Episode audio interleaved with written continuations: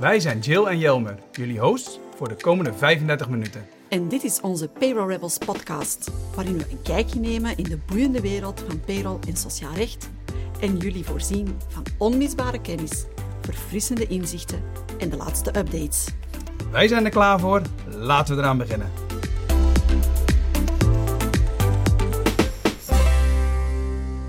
Jill, we zijn weer terug. De eerste echte episode van onze podcastserie. Hoe gaat het met je? Ja, goed, ça va? Ça va? Waarom zie ik eruit alsof het niet goed gaat met mij? Jawel, jawel, maar ja, het is eh, toch weer, eh, weer er opnieuw inkomen. Het is eh, toch wel spannend, want het is niet dat we al zoveel ervaring hebben, maar ja, het is toch wat we weer opnieuw erin moeten vliegen. Ja, maar volledig opgeladen, dus ik ben klaar om te knallen. Dan zou ik zeggen, let's go. Wat kunnen de luisteraars en kijkers verwachten van deze show? Wel, we gaan een aantal Rebel questions beantwoorden.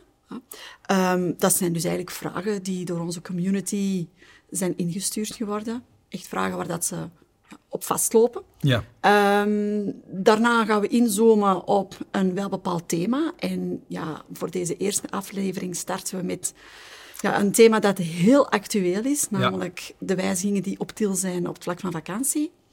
Maar voordat dat we daar mee aan de slag gaan, uh, wil ik graag ook nog wel wat nieuwtjes meegeven. Hè. Ons, ons Rebel News, zoals dat we dan uh, heten. Ja. Uh, voordat dat we dan echt gaan inzoomen op de vakantiereglementering. Ik zou zeggen, dat klinkt zeer interessant. Ik kan niet wachten om er aan te beginnen. Jill, vertel ons, welk nieuws heb jij voor ons? Ja, er is heel wat aan het bewegen. Een eerste belangrijke is dat ja, de inflatie die blijft maar dalen. Ja. Dus het, uh, het, inflatiecijfer van uh, september is ondertussen bekendgemaakt. Uh, in augustus was dat nog 4,09 procent, maar ondertussen zijn we gezakt naar 2,39 procent. En dat is een belangrijke, waarom? Omdat dat inflatiecijfer ook een impact heeft op de spielindex. Ja. En wat is de, of waarvoor is de spielindex belangrijk? Dat is belangrijk om um, indexaties van mogelijke sociale uitkeringen, denk aan werkloosheidsuitkeringen bijvoorbeeld. Maar dat is ook heel belangrijk voor, uh, of dat heeft ook een heel grote impact op de indexatie van onze lonen. Je ja. weet, of herinner u, vorig jaar zaten we daar met een heel hoge inflatie. Absoluut. Hebben we toen ook die enorme indexatie gekend. We zitten nu eigenlijk in een totaal tegenovergesteld scenario. Ja, de andere kant. Ja. Daarnaast blijft mobiliteit ook nog altijd een super actueel thema. Eerlijk gezegd, we hebben het net ook nog hè, ja, meegemaakt uh, in de file gezeten. En de Nationale Arbeidsraad die heeft onlangs twee adviezen op haar website gezet. Ja. Waarbij dat ze langs de ene kant um, ja, het, het openbaar vervoer uh, wil promoten en daar een aantal adviezen rondgeeft. Hè. Heel benieuwd wat dat daar gaat uitkomen. Hopelijk wat minder staken. Ja, ja, sowieso. Maar ik weet niet of dat ze dat echt onder controle hebben. Uh, en langs de andere kant ook nog een advies waarbij dat ze um, willen inzetten op de welzijns- en de veiligheidsaspecten van het met de fiets naar het werk, uh, ja. van en naar het werk gaan.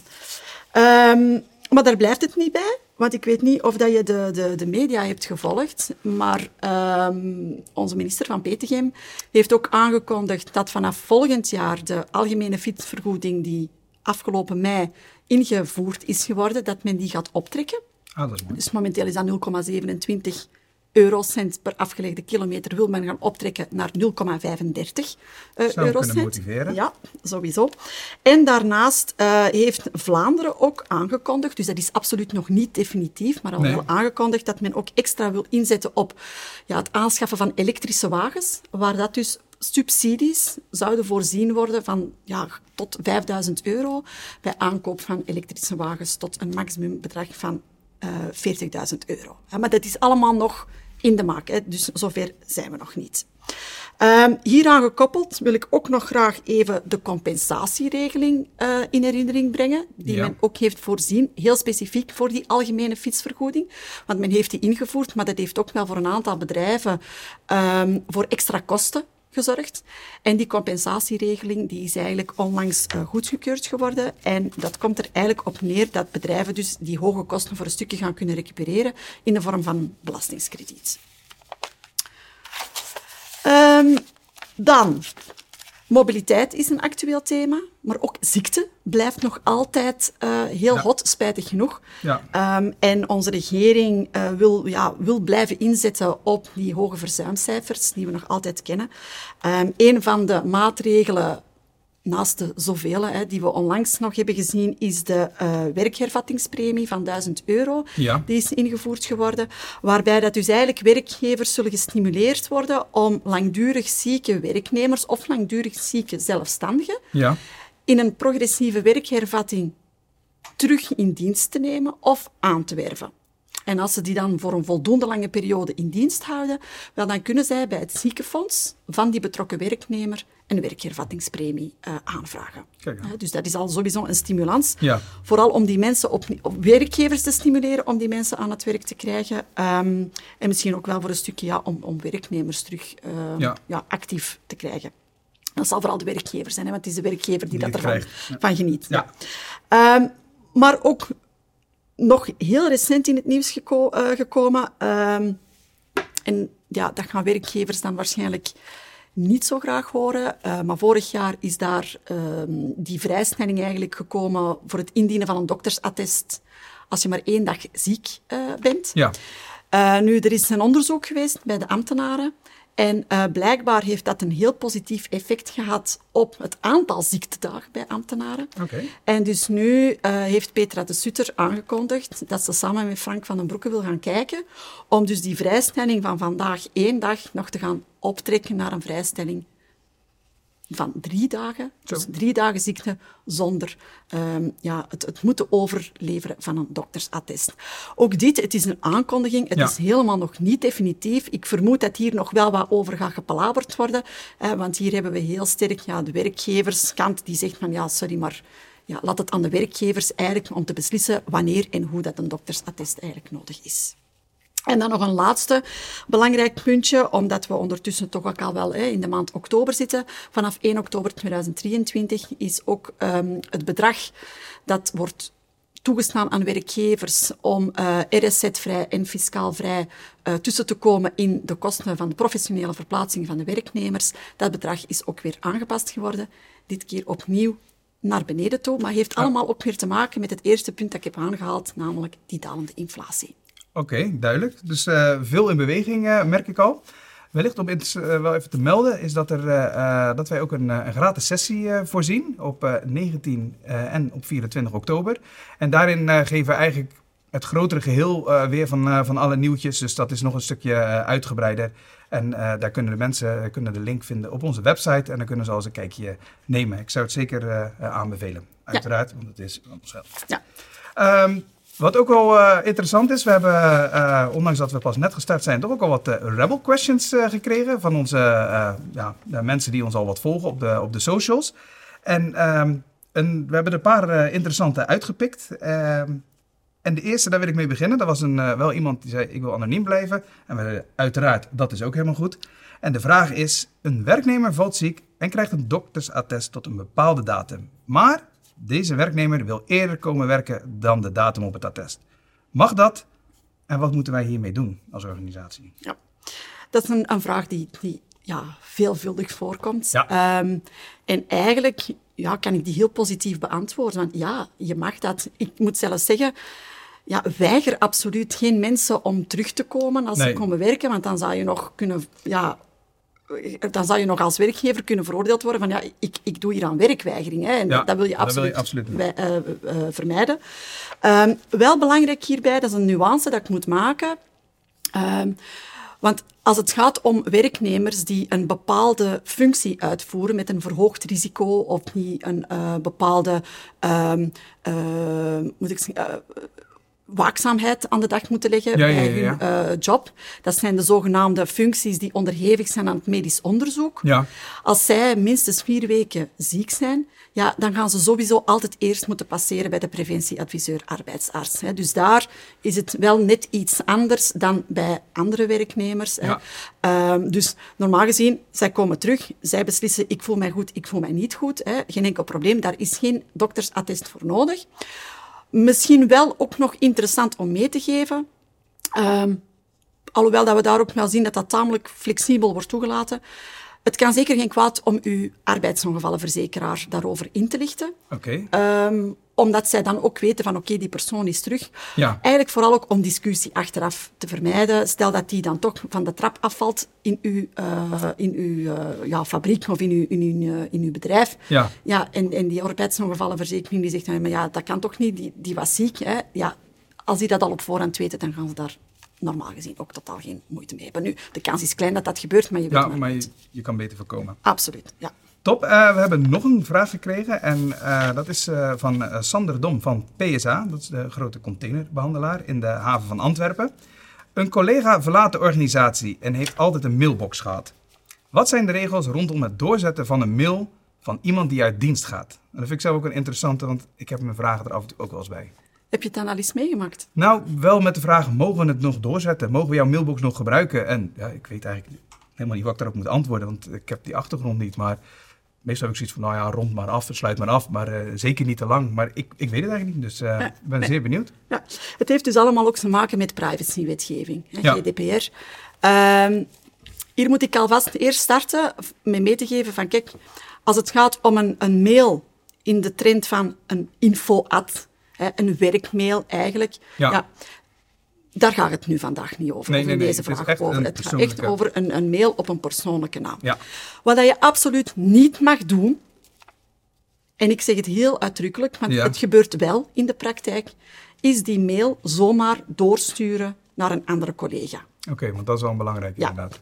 Mag niet. Ja, dat, dat, dat, dat schendt je alle regels die, die van toepassing zijn ehm, in het kader van de GDPR. Ja, Ehm, wat is belangrijk dat je hiermee doet, is ja, als je weet dat iemand uit dienst gaat gaan, of dat dat dan een eigen beslissing is of een, een, eh, een beslissing van de werkgever zelf, zorg ervoor dat je met die werknemer dat gaat bespreken. En dat Ja. je ook zegt van, kijk, oké, jammer, jij vertrekt. Hè.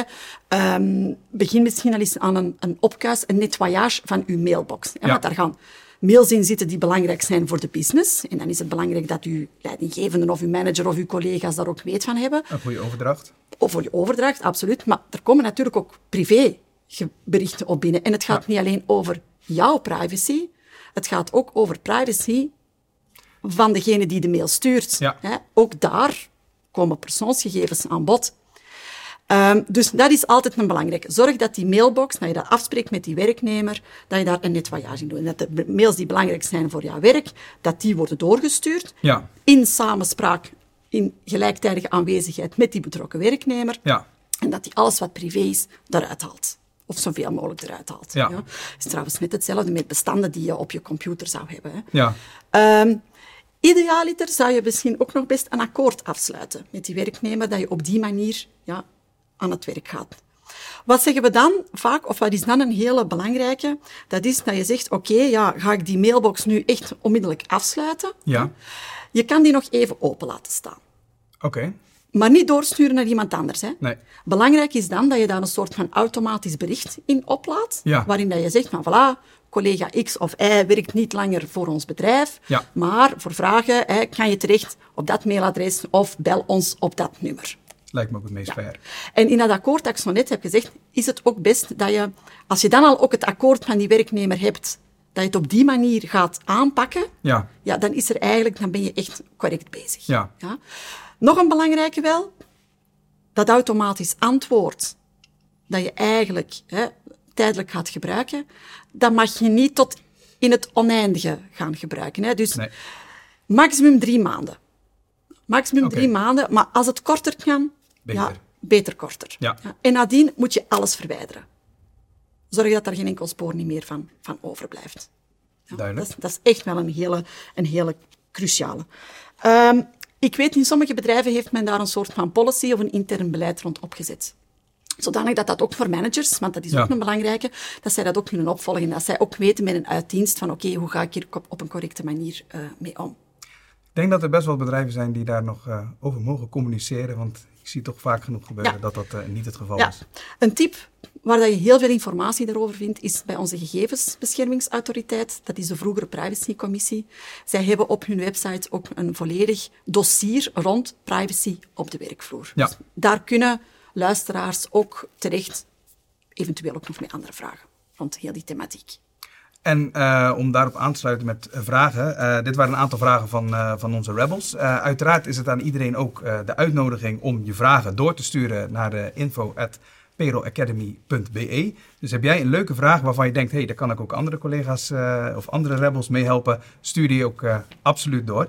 Jill, dankjewel voor, voor deze vragen. En dan denk ik dat het nu tijd is om te gaan naar ons hoofdtopic, ja. vakantie. En dat is iets wat mij zeer, zeer interesseert. Um, ik wil eigenlijk beginnen met een verhaal wat mijzelf een beetje is overkomen. Um, zoals je weet, heb ik al gezegd, ik ben een, uh, een, Nederlander. Op den duur ben ik een keer de grens overgegaan. Mijn vrouw kreeg die baan bij de KU Leuven. Ik ging op den duur ook uh, in uh, België werken. Alles werd afgesproken, contract werd bekeken en ja, het zag er eigenlijk allemaal heel erg goed uit. En opeens wordt er gezegd, en by the way, je hebt negen vakantiedagen voor volgend jaar. Ik zei, negen dagen? Dat is wel heel erg weinig. Ik bedoel, Nederland en België ligt dicht tegen elkaar. Ik zou toch niet verwachten dat het uh, qua regels zo ver uit elkaar uh, ligt. Maar blijkbaar toch wel. negen dagen werd er gemeld. Ik zeg, ja, maar je hebt toch ook een basis of iets? nee, het is negen dagen, want je moet het opbouwen. Ik zeg, maar hoe dan? Dus mijn vraag aan jou is, hoe zit dat? Waar zit dat verschil? Hoe kan dat zo anders zijn? Ja, het is heel belangrijk om altijd goed het onderscheid te maken als we het hebben over vakantie tussen enerzijds de wettelijke jaarlijkse vakantie ja. en daarnaast vakantiedagen die je op een conventionele manier van je werkgever of via je sector worden toegekend. Als we het nu gaan hebben over vakantie, ja. dan hebben we het over wettelijke vakantie. Okay. Een wettelijke vakantie is iets dat op nationaal niveau is ingevoerd geworden en is voor elke werknemer hier in België hetzelfde. Okay. En wat zegt die wetgeving? Wel, kijk, elke werknemer in België heeft recht op vier weken betaalde vakantie. Ja. ja? En betaalde vakantie, dat is enerzijds ja, de vier weken dagen dat je ja, leuke dingen mag gaan doen. Maar daarnaast, dat zal je ook wel weten ondertussen, krijg je ook nog een zakcentje daarvoor. Dus als we het hebben over vakantie, het wettelijk luik, gaat het altijd over afwezigheid met behoud van loon, maar ook dat zakcentje. Ja. Een hele belangrijke om hier ook aan mee te geven, is dat op het vlak van die wettelijke jaarlijkse vakantie zitten we nog altijd met het verschil tussen arbeiders en bedienden. Oké. Arbeiders die krijgen hun zakcentje, maar ook hun betaalde dagen afwezigheid, allemaal in één keer van de vakantiekas. Oké, dus dat is echt anders. Dat is totaal bedienden. Waar ik altijd in heb gezeten? Ja, bedienden die nemen een dag vakantie. Ja. Op het einde van de maand krijgen die dag vakantie gewoon uitbetaald. Ja. ja. Wanneer krijgen die hun zakcentje? Daar nog eens bovenop. Ergens in april, mei, ja, voilà. Ja, dat is op meestal een vastgesteld moment binnen de onderneming. Ja. ja om te moeten vermijden ja, dat je voor elke dag vakantie nog eens een extra hè, zakcentje moet gaan krijgen. Ja. Dus dat is een heel belangrijk verschil tussen die twee, dat nog altijd niet weggewerkt is. Dus dat is een belangrijke. En die wettelijke jaarlijkse vakantie, je hebt het net al gezegd. Ja. Hier in België is het zo dat je dat moet opbouwen. Je moet er eerst voor werken. Ik vergelijk dat altijd met een spaarrekening die rente moet opbrengen. Ja. Dus jij begint te werken, dan ga je niet onmiddellijk je vier weken betaalde vakantie hebben. Dus stel je begint dit jaar te werken, wel, die prestaties, daar bouw je je vakantiespaarrekening mee op voor volgend jaar. Ja? ja. Hoe komt het dan dat jij toch die negen dagen vakantie hebt gekregen? Wel, dat zal waarschijnlijk zijn omdat je ergens conventionele vakantie hebt toegekend. Denk aan anciëniteitsdagen. Ja, op die moment nog niet natuurlijk, nee, nee, ben je net, begonnen. begonnen. hè? Ja, klopt. Uh, het zullen misschien ADV-dagen zijn. Arbeidsduurverminderingsdagen. Ja. ja. zijn dat echt vakantiedagen? Mm, mm, mm. nee, want eigenlijk gaat het over een principe waarbij dat je te veel hebt gewerkt, maar door die arbeidsduurverminderingsdagen recupereer je eigenlijk die te veel gepresteerde uren. Maar het zijn geen overuren, hè? dat is nee, nee, nee, nee, nee, ja. Uh, het kan ook zijn dat je bedrijf zegt van bij ons zijn er specifieke bedrijfsdagen. Ja. Er wordt ook al wel eens gezegd, ja, want anciëniteitsdagen, dat is dan vaak bij oudere mensen. Ja. Hè, men noemt dat ook al eens rimpeldagen. En okay, ik heb me laten wijsmaken, Jan, maar in Nederland, dat men dat de oude lullendagen noemt. Dat klopt, ja, dat is ook zo. Ja, dus dat is een hele belangrijke. Het verschil tussen wettelijke vakantie moet je opbouwen. Ja. Conventionele vakantie, dat wordt u toegekend. Dus dat kan ook voor iedereen anders zijn. Oké, okay, ja. Um, waarom 20 dagen? Want ja. ja dat is een, een, getal dat komt ergens vandaan, maar Ja, Waarom 20? Dat, dat, is zo standaard. Hè? Ja, 20 wettelijke dagen vakantie. In België, of de jaarlijkse vakantiewetgeving, gaat er nog altijd vanuit dat wij allemaal voltijds werken en dat wij ook allemaal een volledig jaar werken. Wanneer... historie. Ja. Nu, wanneer heb je recht op 20 dagen vakantie? Dus stel, we zijn nu 2023, we zitten met dat opbouwsysteem, volgend jaar zitten we 2024. Wanneer heb ik in 2024 20 dagen betaalde vakantie? Ja. Dat is wanneer ik in 2023 12 maanden voltijds heb, gewerkt. Oké, ja? ja? Heb ik dit jaar maar vier vijfde gewerkt, ja. dan ga ik in 2024 geen 20 dagen vakantie hebben, maar 16 dagen. Oké, dus, dus je bouwt je vakantie op in functie van het regime waarin dat je aan het werken bent. En natuurlijk, vier weken betaalde vakantie, ja. vier maal vijf zijn 20, zijn het vier keer is het in een arbeidsregime van 16. Ja. Dan is het, uh, van, van vier dagen per week, sorry, dan zullen het 16 dagen zijn. Maar je hebt die vier dagen wel opgebouwd, dus ja, ja. moet iets, wat gebeurt daar? Nee, nee, dat is nog iets anders. Dat zou zijn in de situatie waarbij dat je overschakelt van een voltijds naar een deeltijds. Ah, oké, oké. Daar gaan we het nu vandaag niet over hebben. Dan laten we dat, uh, laten we dat zitten. Um, ook toen ik hier kwam heb ik gemerkt dat er nog iets anders uh, wel echt verschillend was met, uh, met Nederland. Um, het was zo dat als je, als je ziek valt tijdens je vakantie, is het eigenlijk een beetje dikke vette pech. Dan zijn je vakantiedagen gewoon voetzie. Hoe zit dat? Wat, waarom is dat? Want dat is, ik heb het gevoel dat dat in Nederland toch wel anders was. En als ik daar ziek viel, uh, dan kreeg ik dat wel weer terug. Dan kon ik dat toch op een of andere manier weer recupereren. Ja, klopt. En die regeling, uh, dat, dat heeft te maken met het samenloop van vakantie en in dit geval ziekte bijvoorbeeld, ja. hè, en afwezigheid. Um, wel, dat is in België zo geregeld dat um, als je dus vakantie hebt ingepland, stel ik heb volgende week een week vakantie ingepland, um, en dinsdag val ik ziek, ja. ja, dan heb ik pech. Ja, ik kan vier dagen zo ziek als een hond in mijn bed liggen. Ja, dat blijven vakantiedagen. Ik ben die vakantiedagen kwijt. Ja. Stel dat ik diezelfde week heb ingepland volgende week en ik word donderdag de week voorafgaand ziek, ja. dan is er geen enkel probleem. Want dan zegt onze wetgeving, oké, okay, dan is die week nadien, die vakantieweek die je had ingepland, als je natuurlijk ziek blijft die week, ja. ja. dan is er geen enkel probleem, dan ga je die vakantiedag kunnen recupereren. Omdat er hier in België de regel geldt, nu nog altijd, de eerste schorsing die ingaat, primeert. Nu, Europa vindt dat absoluut niet kunnen. Europa zegt, als werknemers vakantie willen nemen of ja. nemen, dan moeten ze plezante dingen doen, dan moeten ze kunnen uitrusten. Dan is het absoluut niet de bedoeling dat ze ziek in hun bed liggen of dat ze hun been breken of whatever. Dus dat is een goede zaak. Dat is een hele goede zaak. Ja. Nu, we zijn in België al wel geregeld door, door Europa op onze vingers getikt. Oeps. Maar dat is al van begin 2003, 2004. In 2008 zijn we al in gebreken gesteld geworden. Dus dat is iets dat al heel lang op tafel ligt.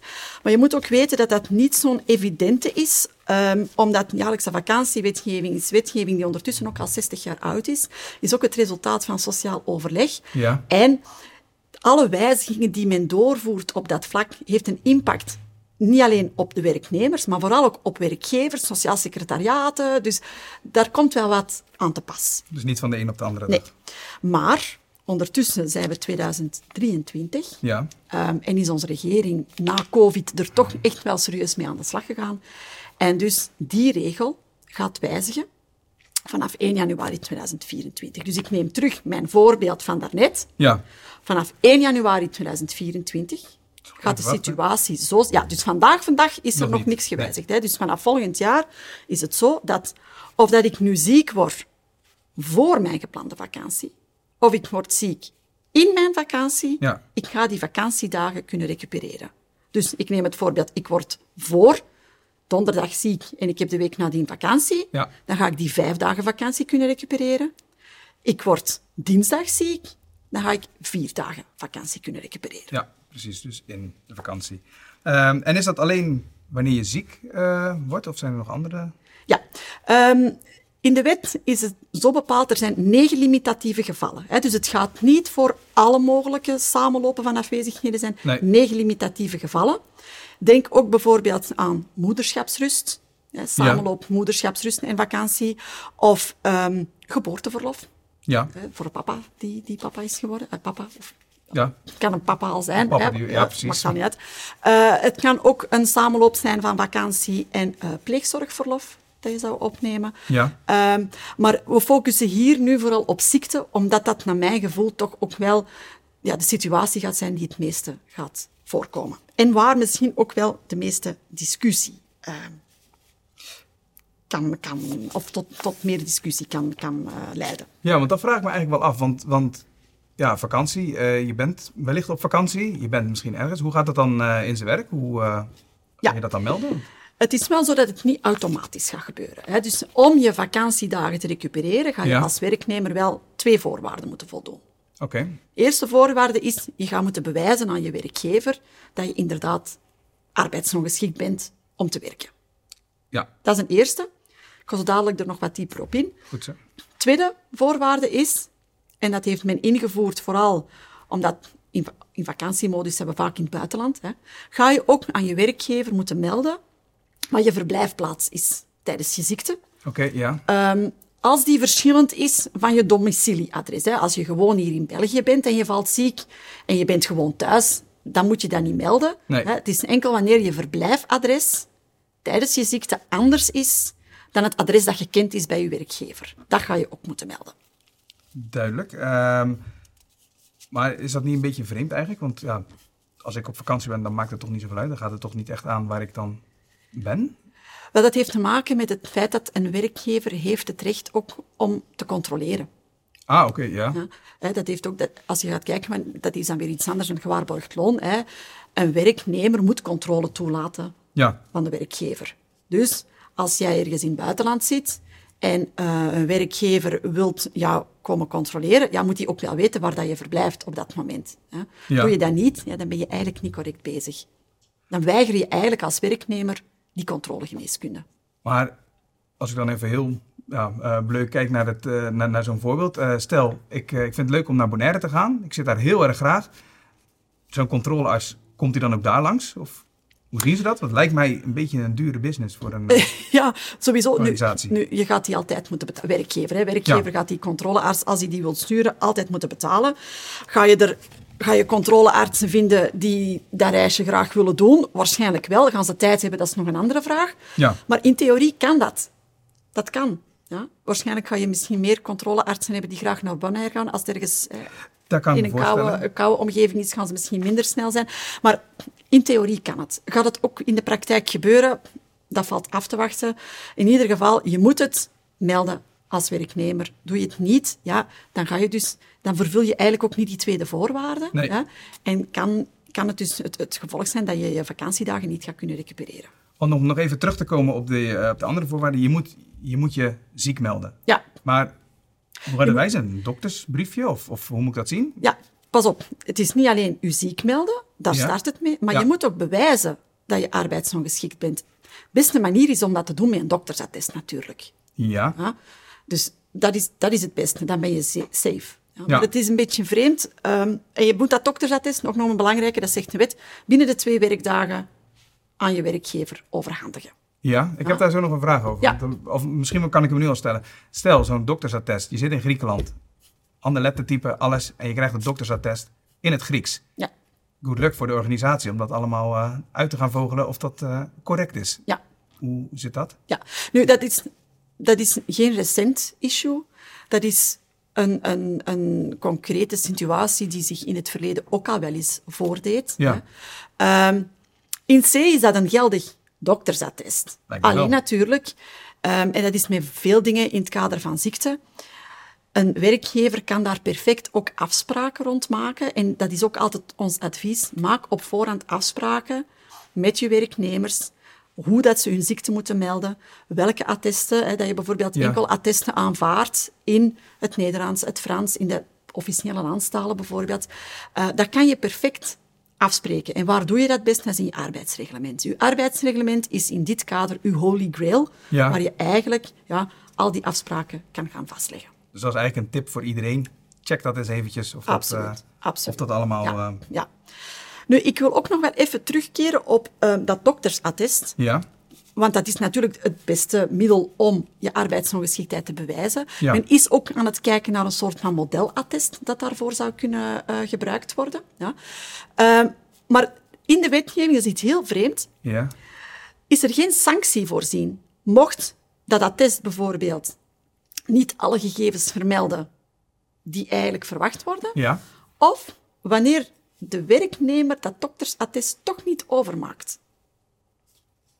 Het belangrijkste is dat een werknemer zijn arbeidsongeschiktheid bewijst. Oké, dat is wel interessant. Dat kan ook vrij eh, ja, divers zijn. Moet ik denken aan een, eh, een foto van je gebroken been? Of, of dat is dan iets wat... In de wetgeving staat nergens hoe dat je dat moet bewijzen. Dus een beetje creativiteit... eh, Kan opnieuw zorg dat je arbeidsreglement heel duidelijk is in wat je verwacht en hoe dat je verwacht dat mensen hun vakantie, eh, vakantie hun arbeidsongeschiktheid gaan bewijzen. Dat blijft een cruciale. Ja. Nog een belangrijke ook wel om mee te geven in dit kader, dat is dat ze moeten een doktersattest overmaken. En als ze hun dagen willen recupereren, Ja. gaan ze dat ook onmiddellijk uitdrukkelijk moeten vragen aan hun werkgever van kijk, ik ben ziek, ik heb vakantie, ja, maar ik wil mijn vakantiedagen recupereren. Ja, Ja. Doen ze dat niet, stellen ze die vraag niet, ja. dan houdt het op. ja. Interessant. Ehm, ik denk dat ik het, eh, dat ik het heb, heb begrepen. Het is, eh, het, het is, het is vrij duidelijk. Het is goed dat dit allemaal in ontwikkeling is. Ehm, Jill, ik zou je willen vragen, is er nog een ultieme tip voor de luisteraars? Sowieso, ik heb het er net al gezegd, hè. goede afspraken maken goede vrienden. Ja. Ehm, dus dat arbeidsreglement dat is van cruciaal belang. Om daar, los zelfs van, van deze wijzigingen, om daar de juiste dingen te voorzien. Ehm, en daarnaast informeer ook op voorhand aan je werknemers wat je verwacht. Het arbeidsreglement dat is één middel, Ja. maar zorg ook voor een, een duidelijke communicatie. Waarom niet via intranet, weet ik veel wat. Van Ja. kijk, voilà, hier zijn nog eens de afspraken die wij maken in het kader van ziekte die samenloopt met die afwezigheden, eh, samenloopt met vakantie bijvoorbeeld. Hè. Ehm, dan kan je achteraf alleen maar discussies vermijden. Ja, hoe duidelijker dat die afspraken zijn, hoe gemakkelijker voor iedereen uiteindelijk. Ja. Ehm, dat is een hele cruciale. Nu, ik denk dat het ook belangrijk is, naast die tip, Ja, om nog mee te geven, want we hebben in deze podcast niet alles kunnen behandelen wat in de wet voorzien is. Hè. Nee. Er zijn nog heel veel andere dingen die belangrijk zijn, die de luisteraars ook moeten meenemen. Eh, ook nog heel veel praktische dingen, waar dat we eh, zelf misschien ook nog wel een vraag rond hebben. Ja. Of waar dat de luisteraars misschien aan denken, maar wij er misschien nog niet aan gedacht hebben. Ehm, maar eh, binnenkort hè, organiseren we ook een, een live webinar. ja, 14 november, rond al die wijzigingen die op het til staan in het kader van die vakantiewetgeving. Dus ik kan ook daar alleen maar onze luisteraars eh, uitnodigen om zich in te schrijven eh, voor die live webinar. En dan gaan, dan gaan ze een antwoord krijgen op al de vragen die zich kunnen stellen. dat klinkt eh, zeer interessant. Heel mooi. Ik wil jou sowieso bedanken voor al deze informatie. Die had ik zelf niet kunnen achterhalen. Zo eerlijk moet ik ook wel zijn. Ik heb weer heel wat, wat bijgeleerd. En ja, ik kan niet anders zeggen. Ik kijk uit naar de, de volgende episode. Ehm, waar we er waarschijnlijk weer een volle bak in gaan vliegen. Dankjewel Jill. Graag Tot de volgende. Tot de volgende. Voldoende opgeladen? Klaar om je payroll- en sociaal-juridische vraagstukken te tackelen? Ging het net allemaal wat te snel? Geen probleem. Je vindt onze blogs en de episodes terug op www.peroacademy.be of klik op de link in de show notes. Stay tuned voor onze volgende aflevering van de Payroll Rebels podcast.